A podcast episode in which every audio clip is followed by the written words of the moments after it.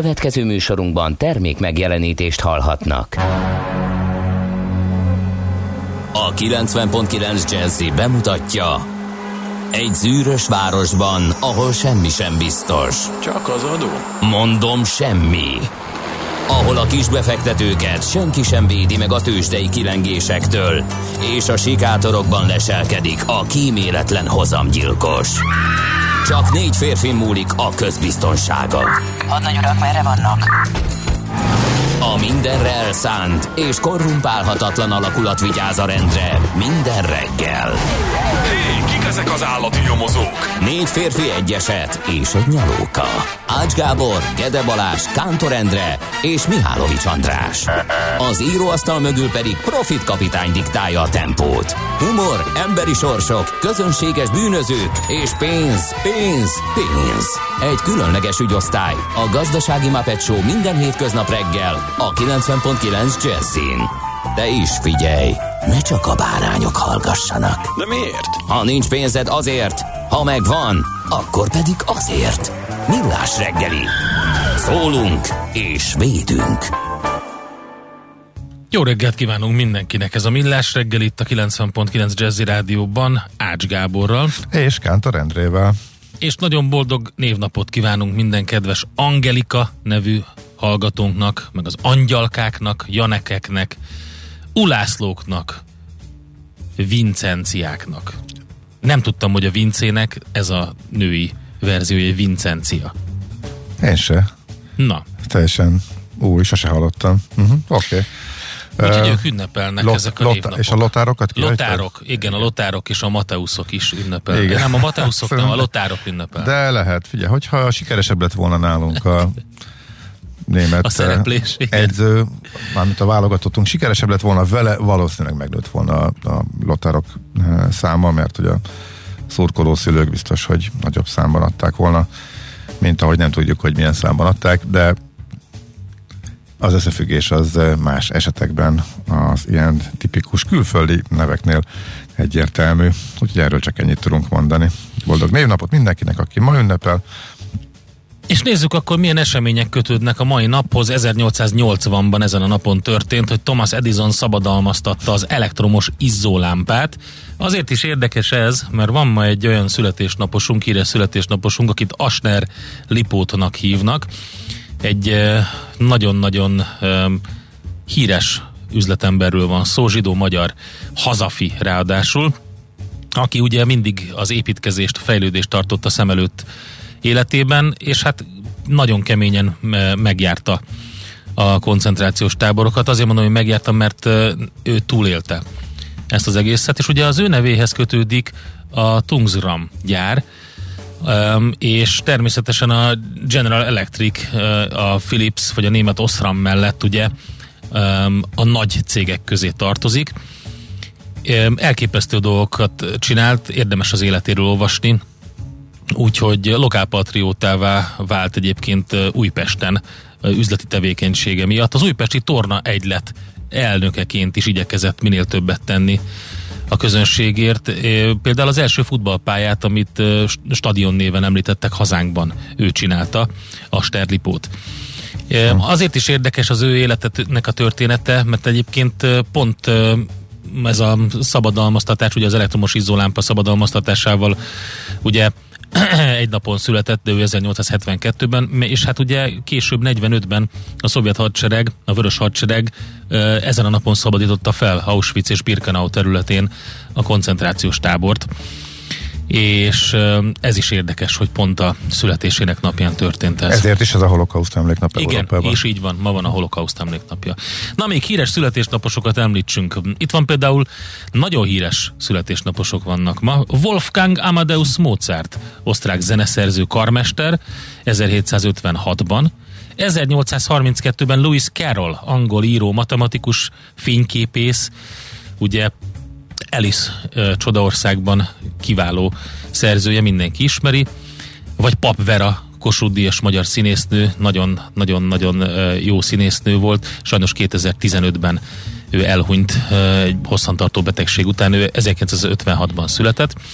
De itt van például Bridget Fonda, amerikai színésznő is 64-ben, és 2011-ben született az én drága kislányom, Liza. Ó, Úgyhogy nagyon Na, hát boldog akkor- születésnapot neki is. 11. Ó, azt Bizonyám, mindenit. bizonyám, már így repül az idő. Mekkora nagy lány 11 11 éves. 11-ben született, 11 éves. Aha. Így van. Úgyhogy uh, szerintem, uh, Hallgatja? ha remélem, hogy hallgatja. Amúgy, nem, nem mondanám, a- hogy minden Amúgy is, vagy megbeszélted vele, hogy most... Nem, De, jó. szerintem az édesanyja bekapcsolta neki a rádiót. Na, hát akkor sok szeretettel üdvözöljük Lizát, mindenki innen a rádióból. Na, hát mielőtt a hírekre rátérnénk, mármint a lapszemlére, elég sok minden van, elmondanánk, hogy 0630 20 10 909, itt lehet minket elérni. A Viber közösségünkben is mindjárt kitalálunk egy jó kis szavazást a Viberre, és a Facebook oldalunkon is. Egyébként pedig volt egy kis guzmi a millástegeli.hu-val, mindenféle ilyen ö, szerver beállítási problémák, de ez megoldódott, úgy tűnik minden rendben van, úgyhogy már ott is lehet keresni minket. Tegnap csak kapkodtuk a fejünket, már indult is, meg nem is, de aztán nagyjából Igen. helyreállt itt pont az adás alatt, de akkor most teljesen stabil és működőképes, ugye? Most, most működőképes. Jó. Na, még azt gyorsan elmondom, Vasaltuk. akkor igen, hogy a D-kartás index ma három pontot emelkedik, úgyhogy Mert hát 22-ről 25-re ugrott. Tegnap 22 perc volt a menetidő Gödről Pestre, és a Szerencs utcai lámpánál kisebb felforgásról számolt be. Tös hallgatunk, ma pedig 25 percet írt meg az ő szokásos üzenetében. Két lámpaváltás, és ezek szerint három perccel lassabb a haladás, úgyhogy így jött ki ez a mai 25 perces haladás, vagyis a közlekedési infokat küldjetek még, mert én például az M7-esen utána meg a bevezető szakaszon azt vettem észre, hogy elképesztő forgalom van. Az elmúlt napok egyikéhez sem fogható, már korán reggel. Nem csak kamionból, meg teherautóból volt, de személyautóból is sokkal több. Tehát egy ilyen pénteki Igen? délutáni Aha. jellegű sztori ö, hajnalban. Igen, az én viszonylag rövid, rövid útvonalam az nem érzékeltem e, ilyesmit. Átlagos ilyen hajnali, hát vagy, vagy inkább kora reggeli forgalmat e, tapasztaltam. E, hát egy picit, talán egy picit, picit e, itt magasabb az átlagnál, úgyhogy várjuk kíváncsian, hogy a város többi részén mi a helyzet. Na hát egy újdonsággal köszöntjük akkor a születésnaposokat. Ö, 2021-ben azért volt érdekes, hogy megjelent a Dispatchnek egy új albuma, mert úgy tűnt, hogy ez a zenekar ez 2002-ben felosztik. Aztán persze újra összejöttek, ez a háromtagú Bostonból származó Indie Roots zenekar, és bár az eredeti basszusgitáros Pete Francis nélkül, de Brad Corrigan és Chad Armstrong tovább folytatta, és kiadtak egy ö, nagyon komoly lemezt ö, 2021-ben is, ö, a 17-es lemez után, és ennek megcsinálták egyébként az akusztikus verzióját is egy ilyen LP-vel, amint csak három számot raktak rá. Minden esetre, aki tudja, az keresse meg a, a Break Our Fall lemez címe, és a címadó dal következik itt nálunk. Nézz is! Ne csak hallgass! millásreggeli.hu Na mit írnak a lapok, nézzük meg. Hát háborús helyzet, illetve járvány továbbra is a címlapokon, illetve mivel sok cikk foglalkozik. A portfólió most éppen a nyugat szemszögéből nézi meg, hogy melyik lehet a jobb vagy a hasznosabb verzió, mert hogy óriási a megosztottság. Sokan vannak, akik továbbra is a tárgyalásokat hogy a tárgyalásos rendezés érdekében eh, próbálnak mindent megtenni, mások szerint viszont eh, nincs mese, most már nyílt erőt kell mutatni. Eh, Putyin irányába is minden lehetséges eszközzel el kell rettenteni Ukrajna megtámadásáról, mellett az érveket, ellenérveket veszi vég, végig például a portfólió. Aztán... Persze, nyilván, tehát mondogatnak ilyet olyat, ugye elemeztük mi is a helyzetet, meg azóta több mindent végighallgattam, de a baj az, hogy, hogy uh, itt a Putyin és az oroszok már egy jó nagyot mondtak a parti elején. És akkor innen ugye a tárgyalással csak úgy lehet megállapodni, hogyha oké, okay, visszaveszek egy picit, de mondjuk azok a bemondások, amikről biztos tudták, hogy, hogy nem létezett, tehát az a NATO-nak a feloszlatása mondjuk a kelet-európai blogban konkrétan, meg ezek, amiket nem lehet nyilván e, meglépni, ezek azért voltak, mert egy, tehát majdnem egy, egy jól innel kezdtek, és akkor ezek után ugye lényegében mit lehet mondani? Valamiféle békés megoldás rendben, de akkor az mi legyen? és akkor itt kell ugye mérlegelni, mi van, amit adhatunk neki, mond, mondja mondjuk ezt a nyugat, és nem fáj nekünk annyira. Hát ilyen Olyan szituációban mi általában megszívtuk nagyon, amikor a világtörténelemben ilyen egyezkedések voltak, úgyhogy hát nagyon figyeljük, hogy mi történik. Azt mondja, hogy a g7.hu ö, azt ö, elemezgeti, hogy tehát tegnap kijött az adat, hogy 76% volt a pozitív tesztek aránya. Ja, hát ezt én is néztem, igen. Ö, ami nyilvánvaló baromság, tehát illetve, hogy ö, Hát a csak, csak úgy lehet. közül. E, igen, de ne, ugye ez már, ezt már korábban is láttuk, hogy elképesztő volatilitás van az adatokban, tehát e, ne, Meg keveset tesztelnek. nem, ugy, tehát nem ugyanazokra a tesztekre vonatkozik a pozitivitás, mm. mint ami a, a, az, el, tehát elvégzett tesztek száma, e, illetve a pozitív tesztek, azok nem ugyanarról napról érkeznek, tehát el, adat elcsúszás van, ezért e, egyik nap e, nagyon alacsony, hát idézőjelben alacsony, mert hogy nyilván 5% lenne a jó, e, de e, jóval alacsonyabb, a másnap pedig hatalmas ugrálás van, úgyhogy heti adat alapján ez 40% körül lehet, ami kimagasló, viszont ennél Hát egy, nem 75, de a 40-nél viszont magasabb, mert sokan nincsenek benne a statisztikákban. A cég végigveszi, hogy sokan otthon tesztelnek, és ha pozitív, akkor nem mennek tovább, ezek például nem jelennek meg a sta- statisztikákban.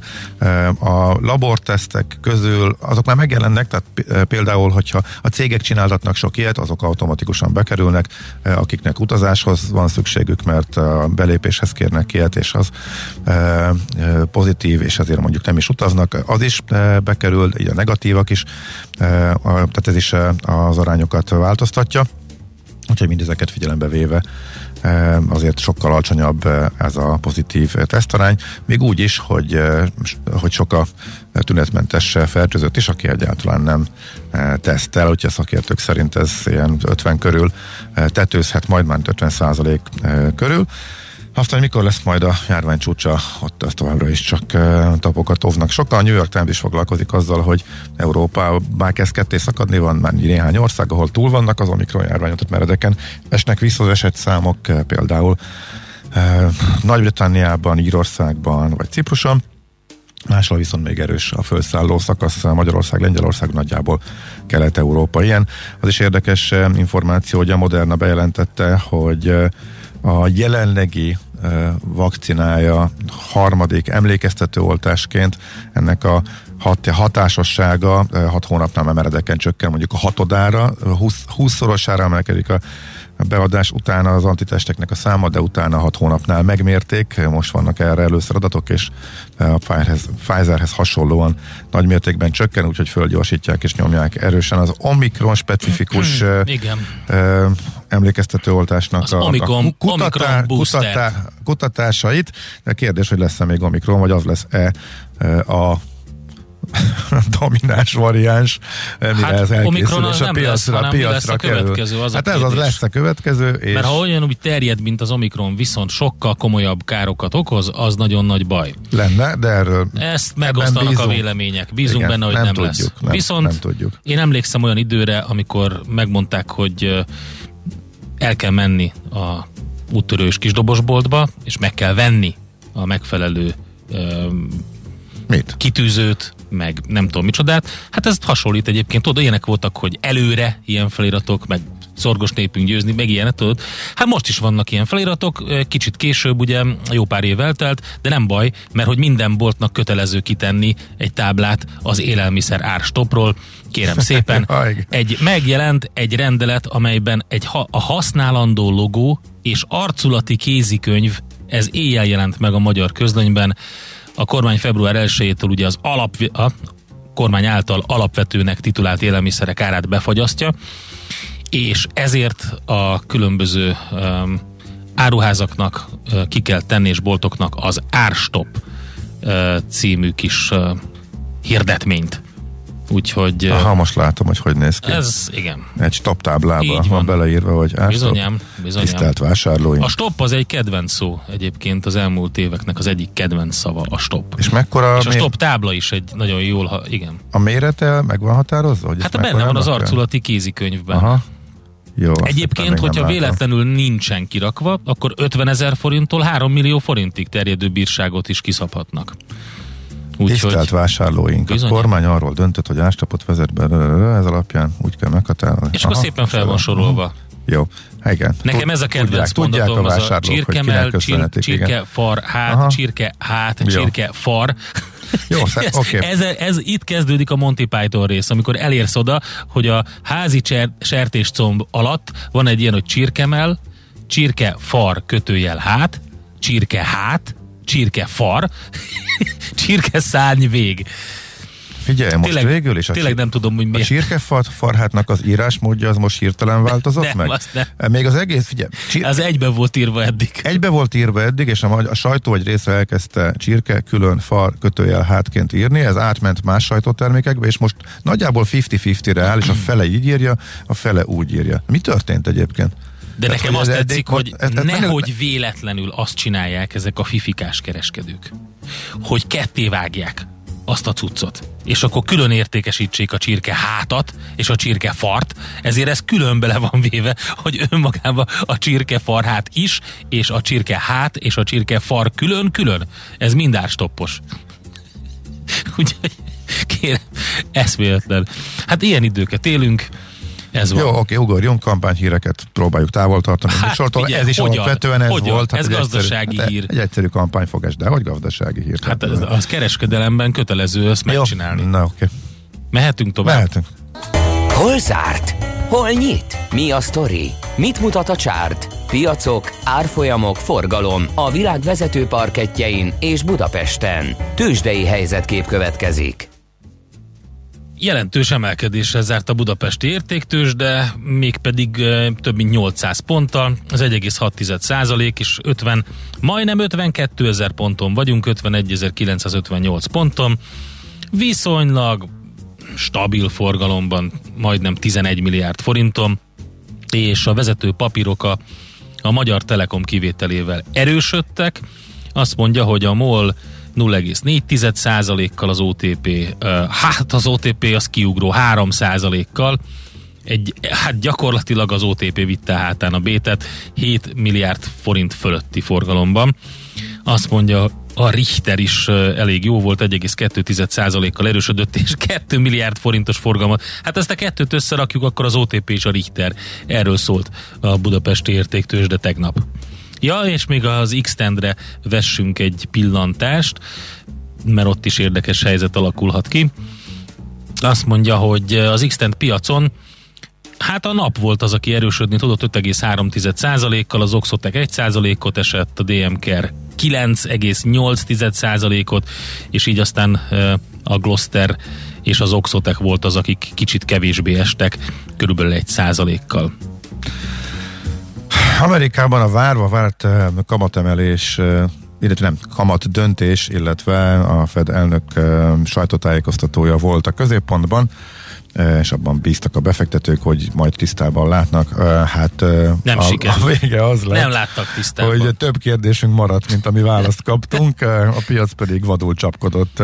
Elindul a kamatemelés, az már biztos a következő ülésen március közepén. Ezt nagyjából biztosra vetik a piacok, de azon túl meg ment a nagy hintapalinta, hogy az adatok De az elején még pozitívnak ítélték adatok- meg a, a befektetők, mert, mert úgy tűnt, hogy jó lesz. Aztán utána Hát volt képest egy... leütötték a, Utána leütötték. az árakat, Ja. szépen beestek a piacok, eh, pont a tájékoztató eh, alatt. Eh, Úgy tűnt, hogy egy jó nagy visszapattanás lesz, de majdnem kétszázalékos emelkedésben is volt emlékeim szerint a piac, aztán visszacsapták mínuszba, kivéve a nasdaq amelyik az elmúlt hetekben markáns alul teljesítésével tűnt ki.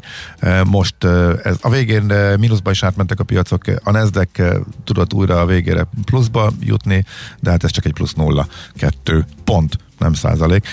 Dow Jones és az S&P pedig a negatív tartományban zárt, úgyhogy jó nagy csapkodás volt a végén, és hát nem lettek okosabbak a befektetők azon túl, hogy a kamatemelés elkezdése az biztos márciusban, hogy meddig tart, hát De most mit mondhatna egyébként a De Fed elnök? mert Hát ő is adatokból dolgozik, hát az alapján majd döntenek. értékelték, és nyitva volt Európa, addig az európai papírok szépen mentek fölfele. Tehát egészen nagy pozitívum a, Persze. a DAX-nál, meg a, Frank, meg a, a londoni tőzsdén, és hogyha megnézed, hogy most mit csinál Ázsia, hát az viszont vérfürdő. Tehát én nem is té 3% fölötti, nem, hát most már csak 3% a japán Nikkei, 2,5% Hongkong, tehát nagyon csúnyán néznek ki az ázsiai tőzsdék.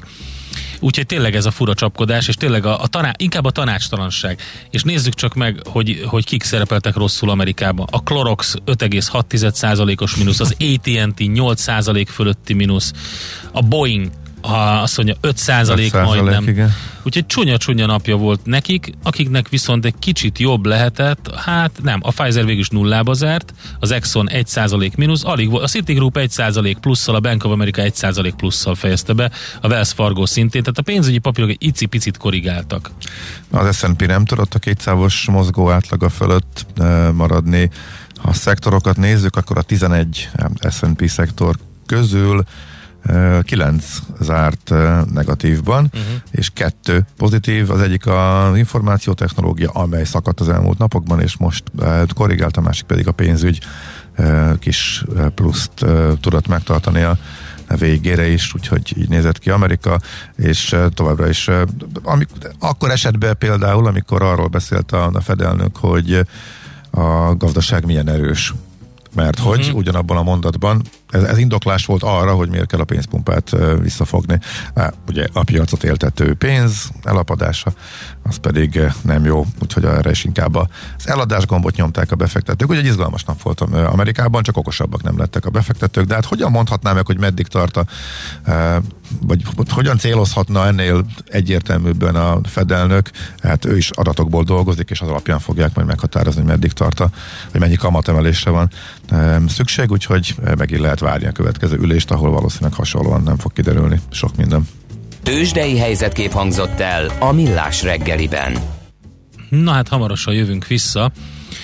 Czoller Andi van itt velünk szerintem, az ő hírei után, ha jól emlékszem, ja igen, igen, írta nekünk, hogy ő az, aki és közben azt nézem, igen, Budapest rovatunk után azt fogjuk megnézni majd ébresztő témának, hogy hát nem sokat javult a helyzet, sőt, az EU-ban majdnem nálunk a legnagyobb a korrupció a Transparency felmérése szerint, úgyhogy ezzel a nem túl jó hírrel fogunk tovább menni. Műsorunkban termék megjelenítést hallhattak.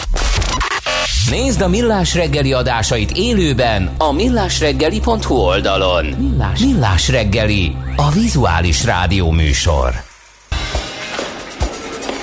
A reggeli rohanásban könnyű szemtől szembe kerülni egy túl szépnek tűnő ajánlattal. Az eredmény krétával körberajzolt tetemes összeg.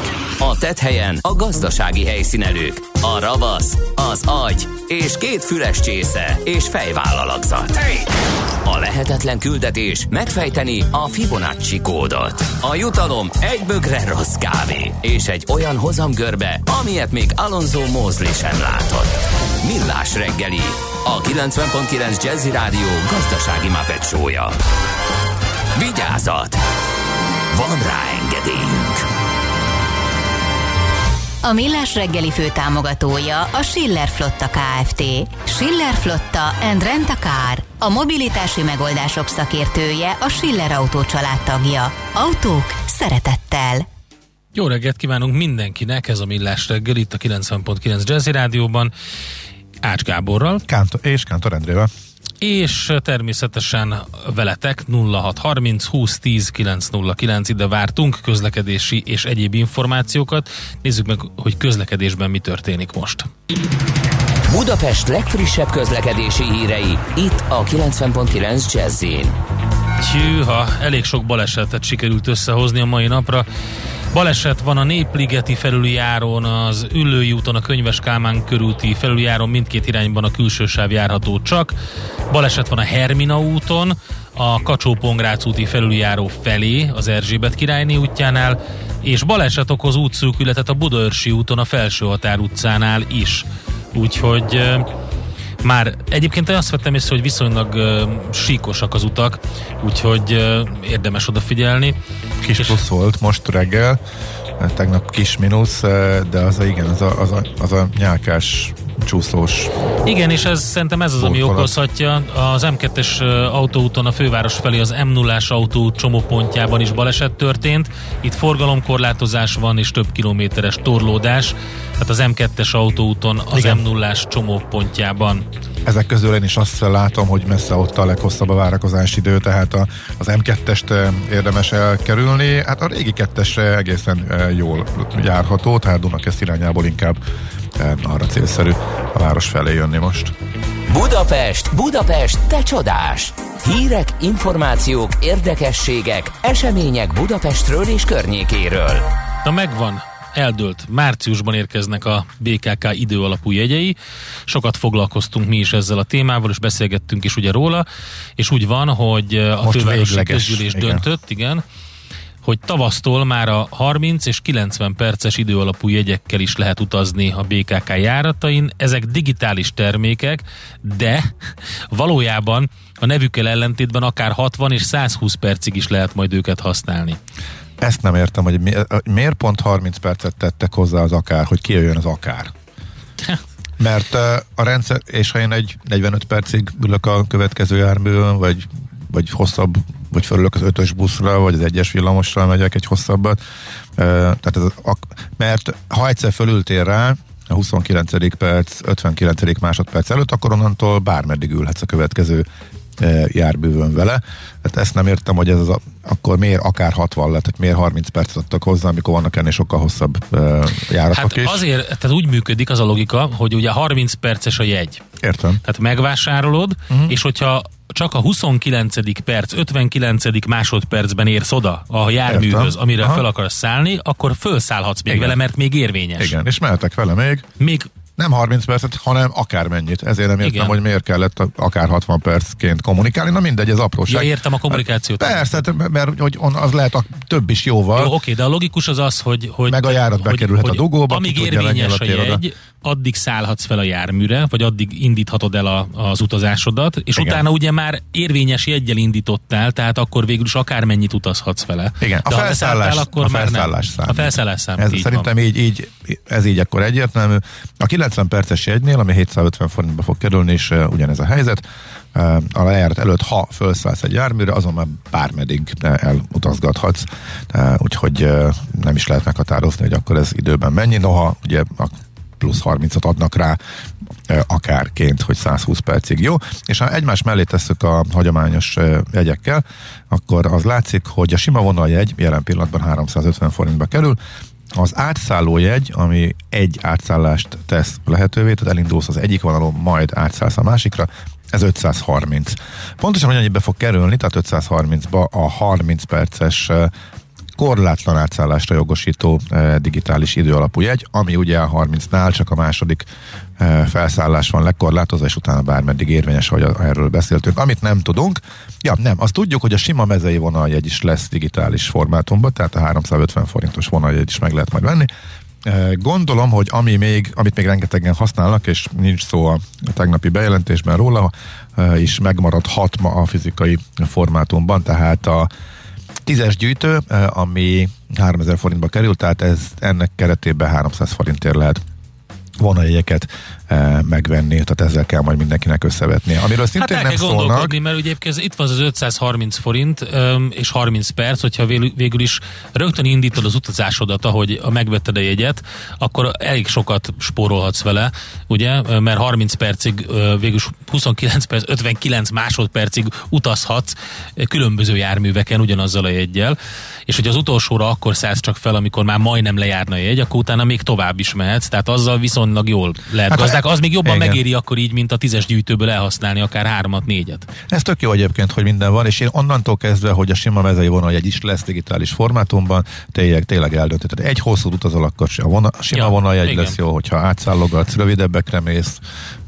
Meg hát itt lesz a puding próbája, ugye, mert vannak ezek az időalapú jegyek, ezek csak digitális formában elérhetőek, papírváltozatban nem, és akkor meglátjuk majd, hogy hányan használják őket, és bejön-e az a papírforma, amit gondoltak, hogy ezeket kimondottan a- az Inter internetes, vagy a, a főleg online vásárlóközönség Aha. szerette volna, úgyhogy hát reméljük, hogy bejön, és az biztos, ennek hogy ennek örülünk. használatáról kérnénk azokat a hallgatókat, akik már kipróbálták, hogy írják meg, mert hozzám teljesen ellentétes uh-huh. vélemények tudtak el, hogy bonyolult, meg akadályozza a felszállást, meg hogy nem csippantja le, Jó, meg, hát... illetve a, a, egyszer kipróbáltam, először furcsa volt, aztán megszoktam, és egy másodperccel sem növeli, ügyesen csinálom, akkor ez rutinszerűen megy, és tök egyszerű, és Igen. királyság. Hát Verziók volt ugye, is. Hát volt ugye az a, az a kritika, hogy hát hogy lassítja a felszállást, de hát én ezt nem is értem. Hát miért nem veszi elő a telefonját már felszállás előtt, és készíti elő? Ugye, tehát ha időbe előveszem a telefont, akkor mint, nincsen gond. Mint ahogy a mobil fizetésnél Igen. is már, mikor ott van a kezemben. Kelljen Tehát beizítom, bekapcsolom, Igen. akkor csak egy sima lecsippanás, ugye? Ha ez így van, akkor, akkor nem értem a kritikákat. Na mindegy, ha valaki Jó, írjátok meg 0630 20 10 909. Igen, hallgató kérdezi, honnan tudja, hogy felszálltunk. Pontosan onnan, hogy le kell csippantani, és akkor az látszik. Oké, okay, azt mondja, hogy megkaphatja Budapest a vénulás körgyűrűt, a déli körvasút bővítése miatt. Hát ugye ez egy, e, e, emiatt ennek a vitának a farvizén előkerült a tehervonatokat elterülő vasúti gyűrű ötlete, és hát a Kínából érkező áru is ezen haladhatna, illetve bejelentkeztek már az oroszok, hogy ők szívesen besegítenének a tervezésbe, építésbe, úgyhogy Hát vannak kritikák ezzel kapcsolatban, hogy... Na most mi a hír maga? Van előrelépés? Vagy mert hogy ez még mindig csak tervszinten van, nem? Vagy történt valami, ami elkezdődött a tervezés, hogy kiírtak valamit? Mert én csak nem. ezt a 24 pont cikket látom, igen, ahol, az. ami még mindig csak igen. a vitáról szól, hogy lesz vagy nem lesz. A az oroszok meg a kínaiak szívesen részt vennének Így benne, van. hát ezt sejtettük. Mi megfizetjük, illetve meglátjuk. Hogy még a, igen, ebből még nem egyértelmű, hogy szükség van erre? Nem, a vita, a vita szakmai vita van, vannak civil szervezetek uh-huh. és különböző állami kormányzati szervek, és ők vitatkoznak arról, hogy mennyire éri ez meg, mennyire venné le a terhelés Budapestről, és a többi. Hát majd meglátjuk. Hát ugye most kétségkívül egyetlen helyen, itt Dél-Budán uh, haladnak át, halad át az összes tehervonat lényegében a Dunán, mert nincs más vasúti uh, átkelő, és uh, az érvek nagyrészt arról szólnak, hogy ha innen kipaterolnák a tehervonatokat, uh, az nem csak zajterhelésbe uh, jelentene sokat, hanem uh, sokkal több elővárosi vonat is közlekedhetne, Igen, tehát ez a személyforgalmat is, a városi, illetve elővárosi személyforgalmat is nagy mértékben lehetne fejleszteni. Most ugye három vágányosítják, meg négy vágányosítják azt a részt, de hiába, hogyha a túloldalon még nem tud sok irányba menni a vonat, illetve a tervonatok itt csatognak át, úgyhogy ez egy bonyolult kérdés. Hát igen, kíváncsian várjuk, hogy milyen irányba dől majd el. Na, hát akkor ezeket láttuk. Van még a, a siklóval kapcsolatban is vita, de szerintem azt majd máskor megbeszéljük, mert az csak az is izzik folyamatosan. Ha van most info, ami jött a BKK-val kapcsolatban, akkor olvast fel, ha nincs, akkor lezárjuk a robotot. Azt olyan baromi gyorsak, a rutinosok, a 254 M buszról érkezett uh-huh. információ, mobillal a második ajtónál keresi a QR kódot, chip, az első ajtón kell felszállni. Eh, akik akadályozzák a felszállást, papírjegy, amit nem bélyegez le a lyukasztó, hallgató szerint ez sokkal gyorsabb, illetve sokkal nagyobb probléma. Igen, te rendszeresen szerencsétlenkedek én is vele, hogy és akkor még néznek rám, mintha én lennék a hülye, pedig bedugom a teljesen normális sima jegyemet, eh, és valahogy a lyukasztó nem akarja e, lecsippantani. Aztán ezek, akik ezzel szenvednek, illetve e, akik keresik a személyigazolványt, amikor hirtelen elkérik, uh-huh. sokkal inkább lassítják igen. a forgalmat a hallgató hát szerint, pont ugyanaz, mint akik, akik keresik a személy, igen. Igen. Nekünk a Gellért hegy a Himalája. A Millás reggeli fővárossal és környékével foglalkozó robata hangzott el. Na, egy újabb olyan zene, amit, ami egy ilyen régebben feltűnt, viszonylag kevésbé ismert zenésznek a, az új lemeze juttatott eszembe. Donovan Frankenreiterről van szó, aki egyébként 2000-es évek derekán tűnt ki azzal, hogy nem csak kiváló szörfös, hanem nagyon jó zenész is. 2006-ban jelent meg egy lemeze, a Move By Yourself, és arról találtam egy régebbi számot, egyébként azóta is jelennek meg EPI, azt hiszem talán a legutóbbi az 2019-ben jött ki. Na hát egy érdekes felmérés, illetve hát nem érdekes, inkább elszomorító.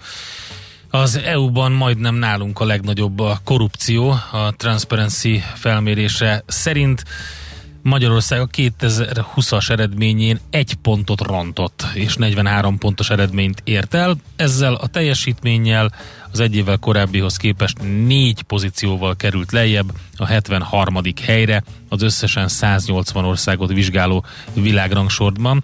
Itt van a Transparency International Magyarország ügyvezető igazgatója Martin József Péter velünk a vonalban. Szervusz, jó reggelt! Szervusz, jó reggelt kívánok én is! Mit kell tudni erről a korrupció érzékelési indexről?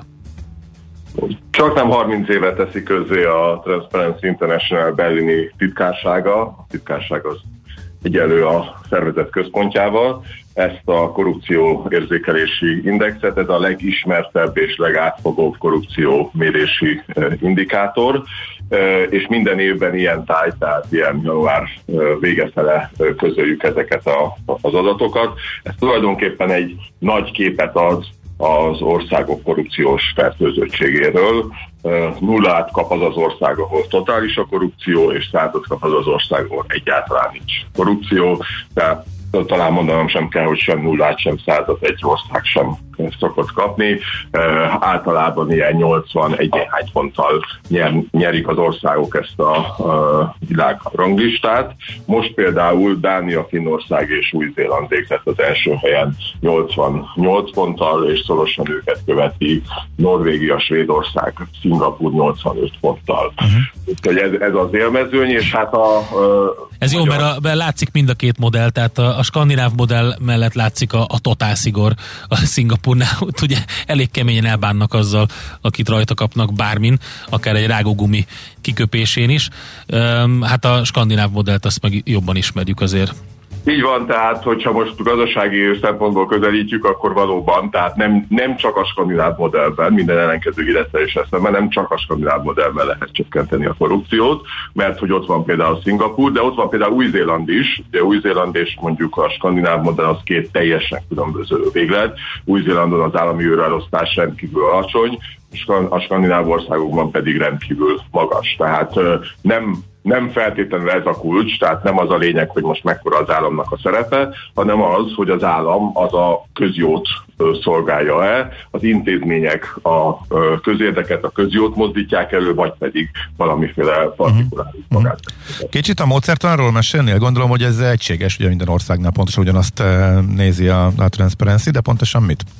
Igen, tehát a módszertan az hosszú évek óta ugyanaz, egész pontosan volt egy kisebb módszertani váltás 2012-ben, de hát ugye már annak is 10 éve, úgyhogy, és tehát természetesen minden országra ugyanazt a módszertant alkalmazzák. Tehát ez, ez egy úgynevezett kompozit indikátor, ez azt jelenti, hogy különféle háttér felmérésekből áll össze ez az indikátor. Tehát nem arról van szó, hogy egy közvéleménykutatás készül, vagy egy vizsgálat alapján kérdeznek meg szakértőket és üzletembereket, hanem összesen Magyarország esetében például 10 ilyen indikátorról van szó, amelyet nem a Transparency International, hanem más intézetek végeznek, és egy bizonyos módszertan alapján átlagolják ezeket a mutatókat a Transparency International berlini kutatói. Tehát ilyen értelemben ez egy más ö, ö, felmérésekből összeállított ö,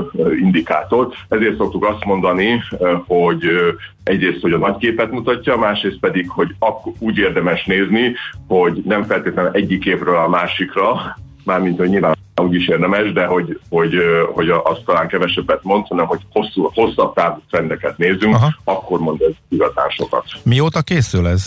milyen hosszú adatsorból tudunk következtetéseket levonni? Azt 30 éve készül, 1995-ben készült az első e, ilyen. Ak- akkor nagyjából el tudod mondani, hogy 30, év, 30 éve hol voltunk, mondjuk 15 éve hol voltunk, és hova jutottunk így? A, a grafikonra kíváncsi a Gábor, igen, hogy igen, ez igen. lehet-e rajta szánkózni, vagy, hmm? vagy, vagy fejlődtünk-e valamennyit? Hát óriás műlesiklás lehet rajta végezni, most úgyis közeledik az olimpia, úgyhogy érdemes már arra, arra gyúrni. Szóval igen, hát nagyon nagyon nagyot esett a, a, a magyar pozíció világviszonylatban is, de ami ennél még durvább, az az, hogy Európai Uniós összehasonlításban. Tehát, hogyha csak az elmúlt tíz évet nézzük, akkor a magyar pozíció az 27 helyet romlott, mármint nem Európai Uniós összehasonlításban, hanem, hanem világviszonylatban, és, és 12 pontot esett a, a, a magyar helyezés, és ezzel uh, tulajdonképpen az Európai Unió országai közül, meg egyébként természetesen a régiós országok között is a legnagyobbat esett a, magyar teljesítmény. A 12 előtti időszakkal azért nem szívesen hasonlítjuk össze, mert az egy kicsit más módszertan alapján készült, de azt mondhatom, hogy, hogy már 12 előtt is komoly visszaesés volt. Tehát magyarul a visszaesés nem 10-ben kezdődött, minden ellenkező is szemben, vagy, vagy mondjam, minden félreértés elkerülése véget. Jóval korábban kezdődött már a visszaesés, akár ezt a mutatót nézzük, akár a Világbank egyik kormányzási indikátorát, amelyik szintén ezt méri, akkor azt lehet látni, az ezred, ezredfordulótól kezdve tulajdonképpen folyamatos az esés, és aztán mondom 2012-től az Európai Uniós országok közül Magyarországon a legnagyobb. És ugye ezt nem lehet elmondani, nem világtendenciáról van szó, mert vannak, akik ellentétes irányba mozognak, ugye? Tehát azt nem lehet hát kijelenteni, hogy általános uh-huh. Igen, tehát ugye vannak, vannak azért világtendenciák, meg vannak uh-huh. regionális trendek is, tehát ugye szokták azt mondani, hogy ez, a világnak ez a régiója, a Közép- és Kelet-Európa, ez egy ilyen korruptabb régió legalábbis ugye az Európai Unión belül, és ebben persze sok igazság van.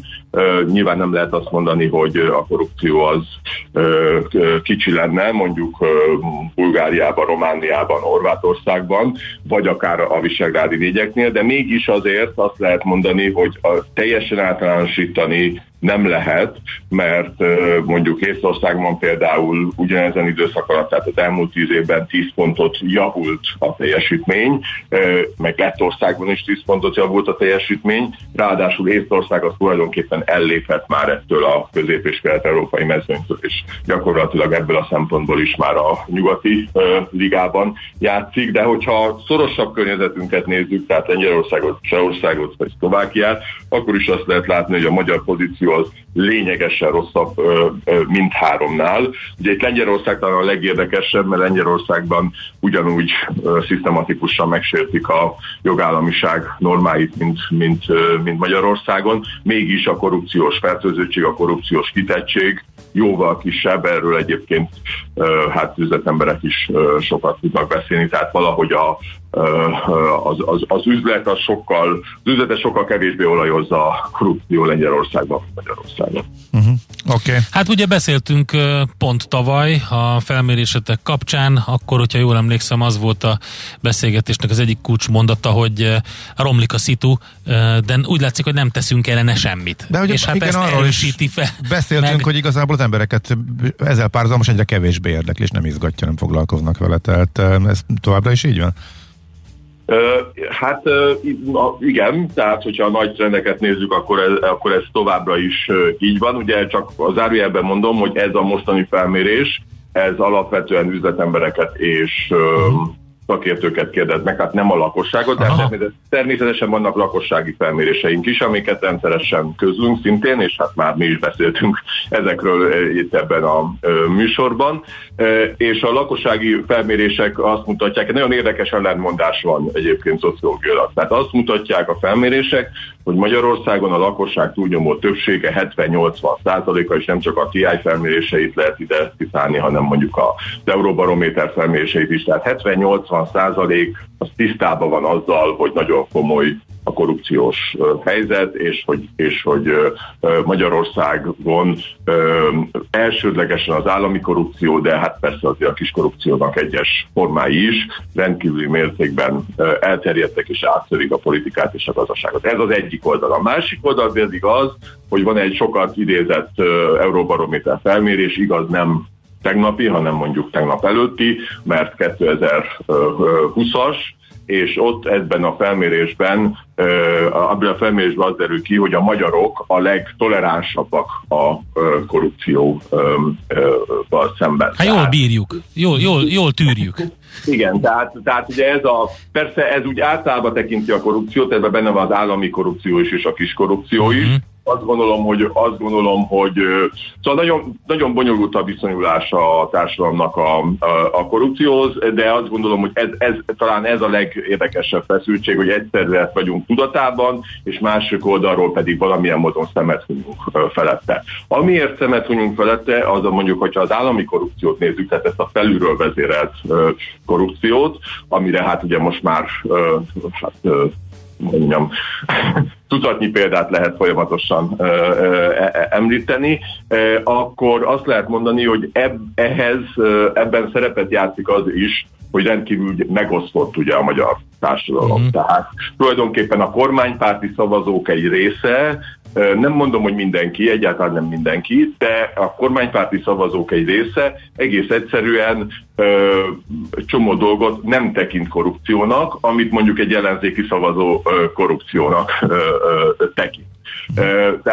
tehát mondjuk a, nem tudom én, a, az, hogy túlárazzák az uniós ö, ö, ö, pénzekből épült beruházásokat, vagy bizonyos közbeszerzéseket azért, hogy az új elit gazdagodjon. Ezt egy kormánypárti szavazó nem feltétlenül tekinti korrupciónak, mert azt gondolja, hogy ez egy kvázi legitim túlárazás, és hogy hát gyarapodjon csak a csak az új elit.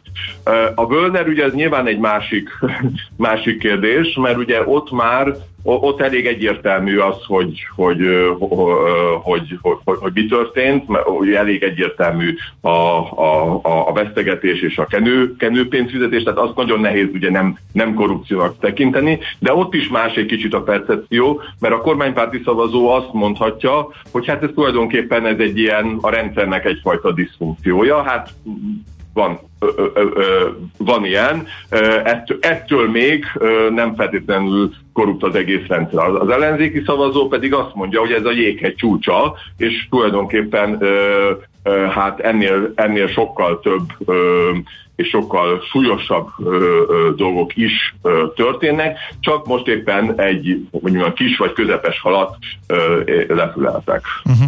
Oké. Okay. Igen, igen, igen. Hát köszönjük szépen, Transparency International Magyarország oldalán is megtalálhatók ezek az információk. Jó munkát nektek, Martin József Péterrel beszélgettünk.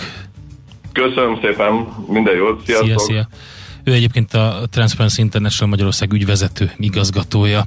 Mi megyünk tovább Czoller Andi híreivel, aztán pedig az adatvédelmi világnapról lesz szó, miért és hogyan emlékezik meg róla például az Allianz, aztán arról fogunk beszélgetni, hogy mi az a Foundation. Oké, okay, persze, Asimov eh, regénye, illetve regény folyama, de egy új, magas szintű felhasználó élményt nyújtó bankolási világfejlesztésén dolgozik a Magyar Bankholding új, új műhelye, a Foundation, úgyhogy hogy erről is lesz szó.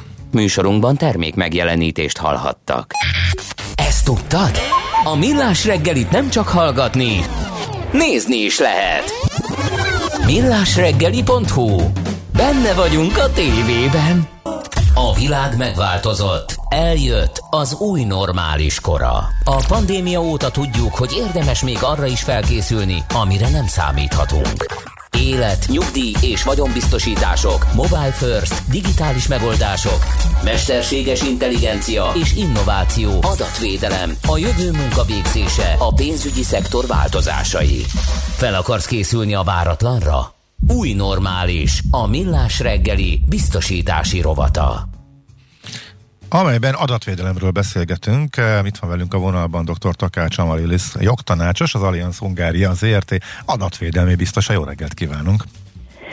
Szép jó reggelt kívánok minden hallgatónak és nektek is, csak annyi pontosítás, hogy legyen, hogy tisztviselő, nem adatvédelmi biztos. Nagyon megtisztelő lenne Aha. ez a hivatal, de, de adatvédelmi tisztviselő vagyok, igen. Oké, okay. és akkor és rögtön tisztázzuk, hogy mi a különbség a kettőnk mm. között. Igen, adatvédelmi biztos az egy, az egy hivatal volt még a GDPR megjelenése előtt, az adatvédelmi tisztviselő pedig a GDPR szerint az adatkezelőknél megnevezett olyan felelős, aki a, az, az adott vállalkozásnál felel azért, hogy uh-huh. az adatkezelése kapcsolatos uh-huh. szabályok azok betartásra kerüljenek. Stimmel. Oké, okay. beszéltünk is erről korábban, hogy mindenhol kötelező lesz, hogy legyen egy ilyen adatvédelmi tisztviselő, de akkor beszéljünk Igen. az adatvédelmi világnapról. Miért és hogyan emlékeztek meg róla? Ugye ezt minden év január 28-án ünnepeljük 2007 óta, Azért ezen a napon, mert 1981-ben ezen a napon nyílt meg a lehetőség az Európai Adatvédelmi Egyezményhez való csatlakozásra, és az Európa Tanács úgy gondolta, hogy fontos lenne megnevezni egy olyan napot, amit arra használunk, hogy a személyes adataink védelmére és az ehhez kapcsolódó ismeretek fontosságára felhívjuk a figyelmet. Ezt ugye az Alliansznál mi is mindig megünnepeljük, és az idén egy munkatársaknak szervezett online rendezvényel, amit a német kollégák szerveznek számunkra, és ennek van egy különleges, az ünneplésnek van egy különleges apropója is, mivel tavaly az Allianz adatvédelmi programja a Dow Jones fenntarthatósági indexének megállapítása során a lehetséges 100-ból 100 pontot ért el, ami kiemelkedő eredmény nem csak a biztosítási szektorban, de általán a pénzügyi szektorban is. Aztán szó lesz az Allianz digitális stratégiájával kapcsolatos adatvédelmi kihívásokról is, így különösen a mesterséges intelligencia üzleti alkalmazásainak lehetőségeiről. Ennek az az apropója, hogy pár héttel ezelőtt az Allianz bejelentette az együttműködését a londoni InsurTech szájtorával, aminek keretében az a cél, hogy mesterséges intelligencia alapú digitális kockázatfelmérési, kockázatértékelési, kockázatvállalási megoldásokon alapuló termékeket tudjunk kínálni az ügyfeleknek. És ezen a rendezvényen megtisztel bennünket a Bajor Adatvédelmi Hatóság elnöke is, Ugye az Allianz vállalatcsoport elsődleges hatósága, adatvédelmi hatósága az a Bajor Adatvédelmi Hatóság, és vele a, elsősorban az elmúlt év hatósági döntéseinek a tanulságait fogjuk átbeszélni, így többek között a Google-lel, a Facebook-kal vagy a WhatsApp-kal kapcsolatos hatósági döntések lehetnek érdekesek számunkra, például azzal kapcsolatban, hogy ezek a platformok mennyire használhatóak az üzleti tevékenységünk során. Uh-huh. Erről beszéljünk is néhány szót, milyen alaptanácsokat lehet adni, mert láttuk ezeket a bírságokat, mit lehet, mit nem lehet elintézni ezeken a felületeken, mire érdemes figyelni? Igen, nagyon, nagy, nagyon jelentős a különbség azért, amikor egy, egy egyszerű felhasználó használja ezeket a platformokat, ott nyilván mindenki maga eldönti, hogy hogyan, mit tár ugye a közönség elé, a nagy közönség elé a közösségi média felületek használata során, de egészen más szempontokat kell figyelembe venni akkor, amikor egy vállalkozás az üzleti tevékenysége során szeretné ezeket, a, ezeket a felületeket alkalmazni. Ugye nálunk mindig felmerült ez az igény az ügyfelektől is, és az értékesítő, értékesítőink részéről is, hogy hogy az ügyfelek által széles körben használt közösségi média felületeket lehessen ilyen szerződéskötésre, ügyfelekkel való hivatalos kapcsolattartásra használni, és ez különösen felerősödött ez az igény a pandémiás időszakban, amikor az egyéb lehetőségek az ügyfelekkel való találkozásra beszűkültek. Ezeket mindig mérlegeljük az aktuális állás állásokra tekintettel, de egyelőre azt látjuk, hogy nagyon komoly adatvédelmi akadályai vannak, hogy ezeket használhassuk. Például megemlíthetném ugye a WhatsApp-kal kapcsolatos legutóbbi ír adatvédelmi hatósági döntést, hogy 225 millió euróra büntette a WhatsAppot az ír hatóság, és az, a megállapításaiban például az egyik legaggasztóbb az volt, hogy a, a WhatsApp a felhasználók telefonján tárolt nem felhasználók adatait is begyűjtötte, tehát akik nem WhatsApp felhasználók, és kezelte, sőt a teljes Facebook csoport tagjainak továbbította, ugyanakkor erről még a felhasználókat sem tájékoztatta egyértelműen és közérthetően.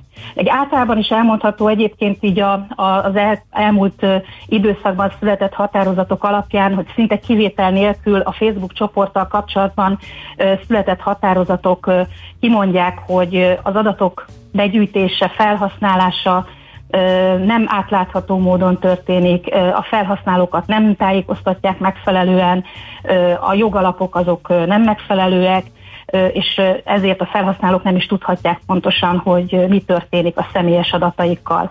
Ráadásul, hogyha mi ezeket a platformokat használnánk az üzleti tevékenységünk végzése során, például akár kárigénybenyújtásra, vagy, vagy a szerződés adatainak egyeztetésére, akkor ugye a Facebook ebben a tekintetben az Allianznak az adatfeldolgozójaként, vagy kiszervezett tevékenységet végző megbízottjaként járna el, és ebben a tekintetben felelnénk az ő adatkezeléséért, ami hát jelen körülmények uh-huh. között azt látjuk, hogy ez nem, lehetetlen. Nem működik, igen.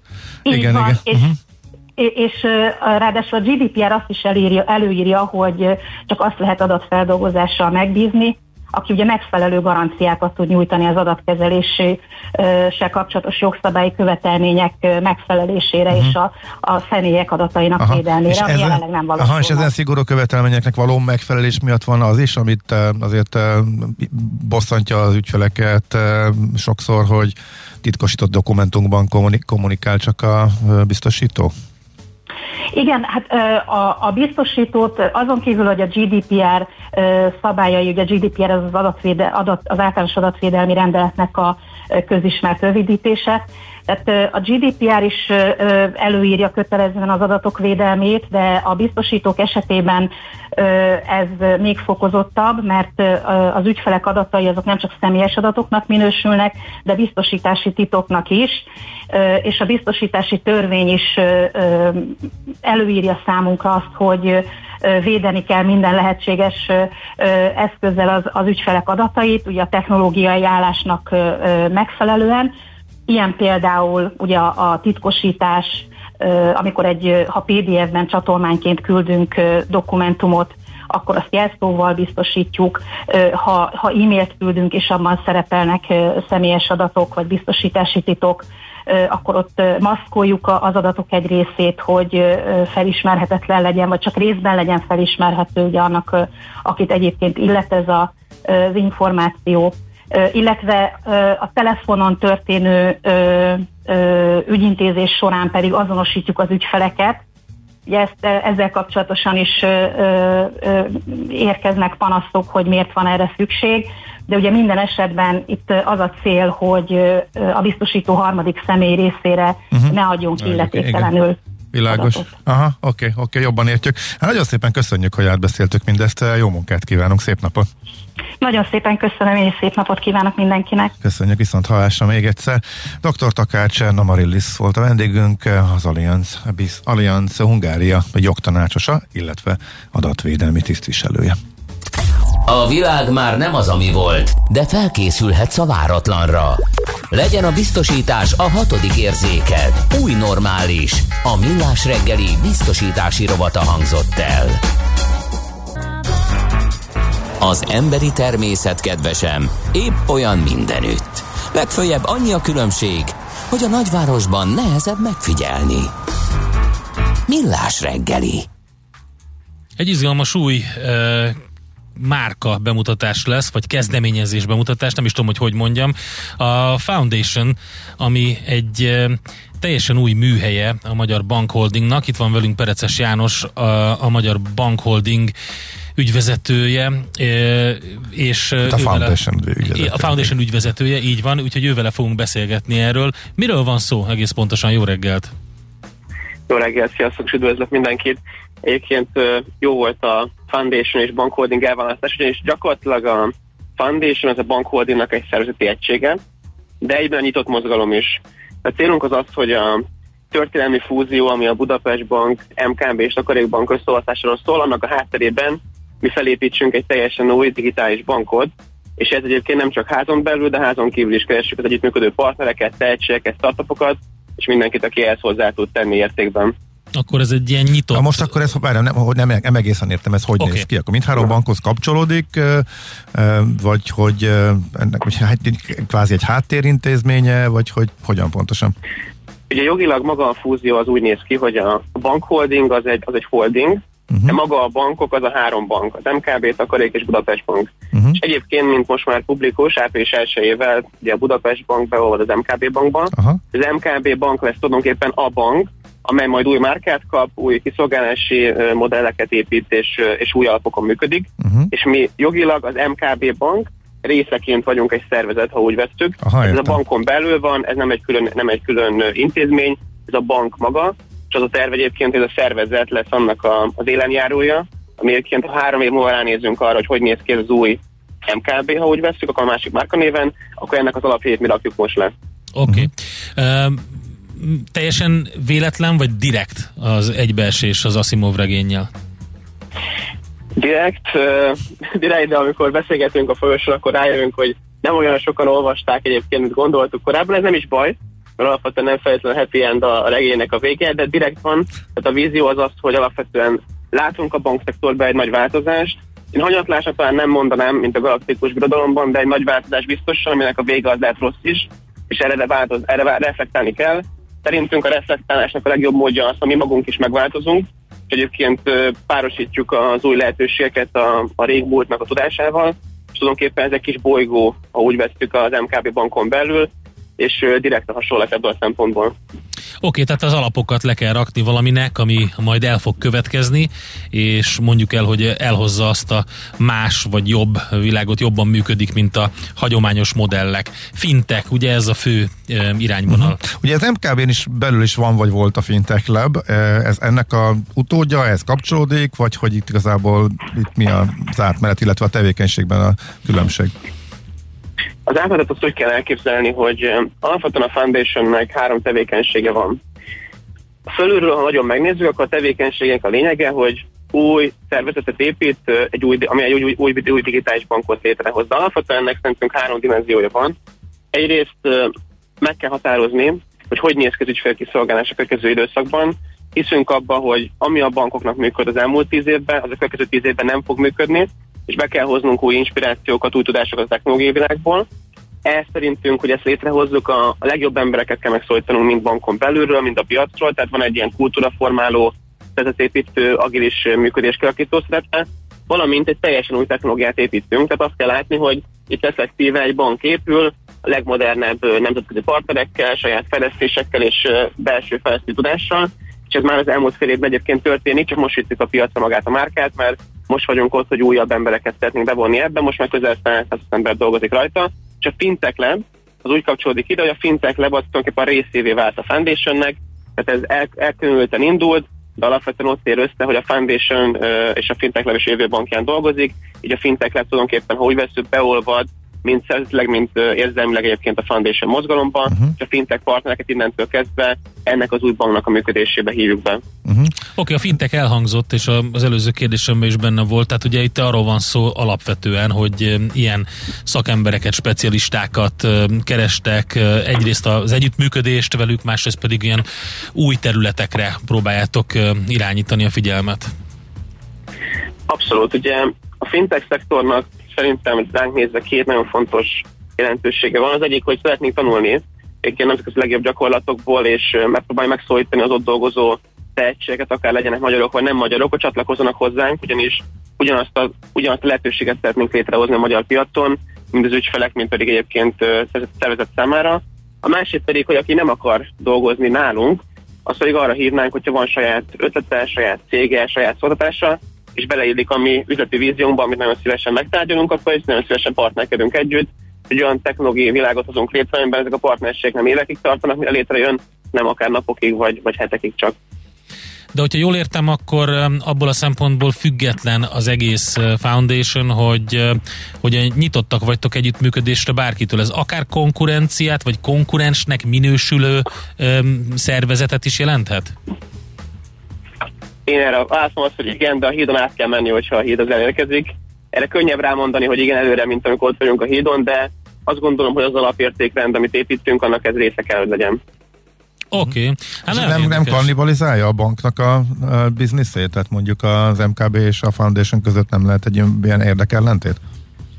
Ja, nagyon fontos látni, hogy a, ennek az egész Foundationnek a falta az az, hogy három év múlva minden ügyfelünk egyébként a Foundation ügyfele.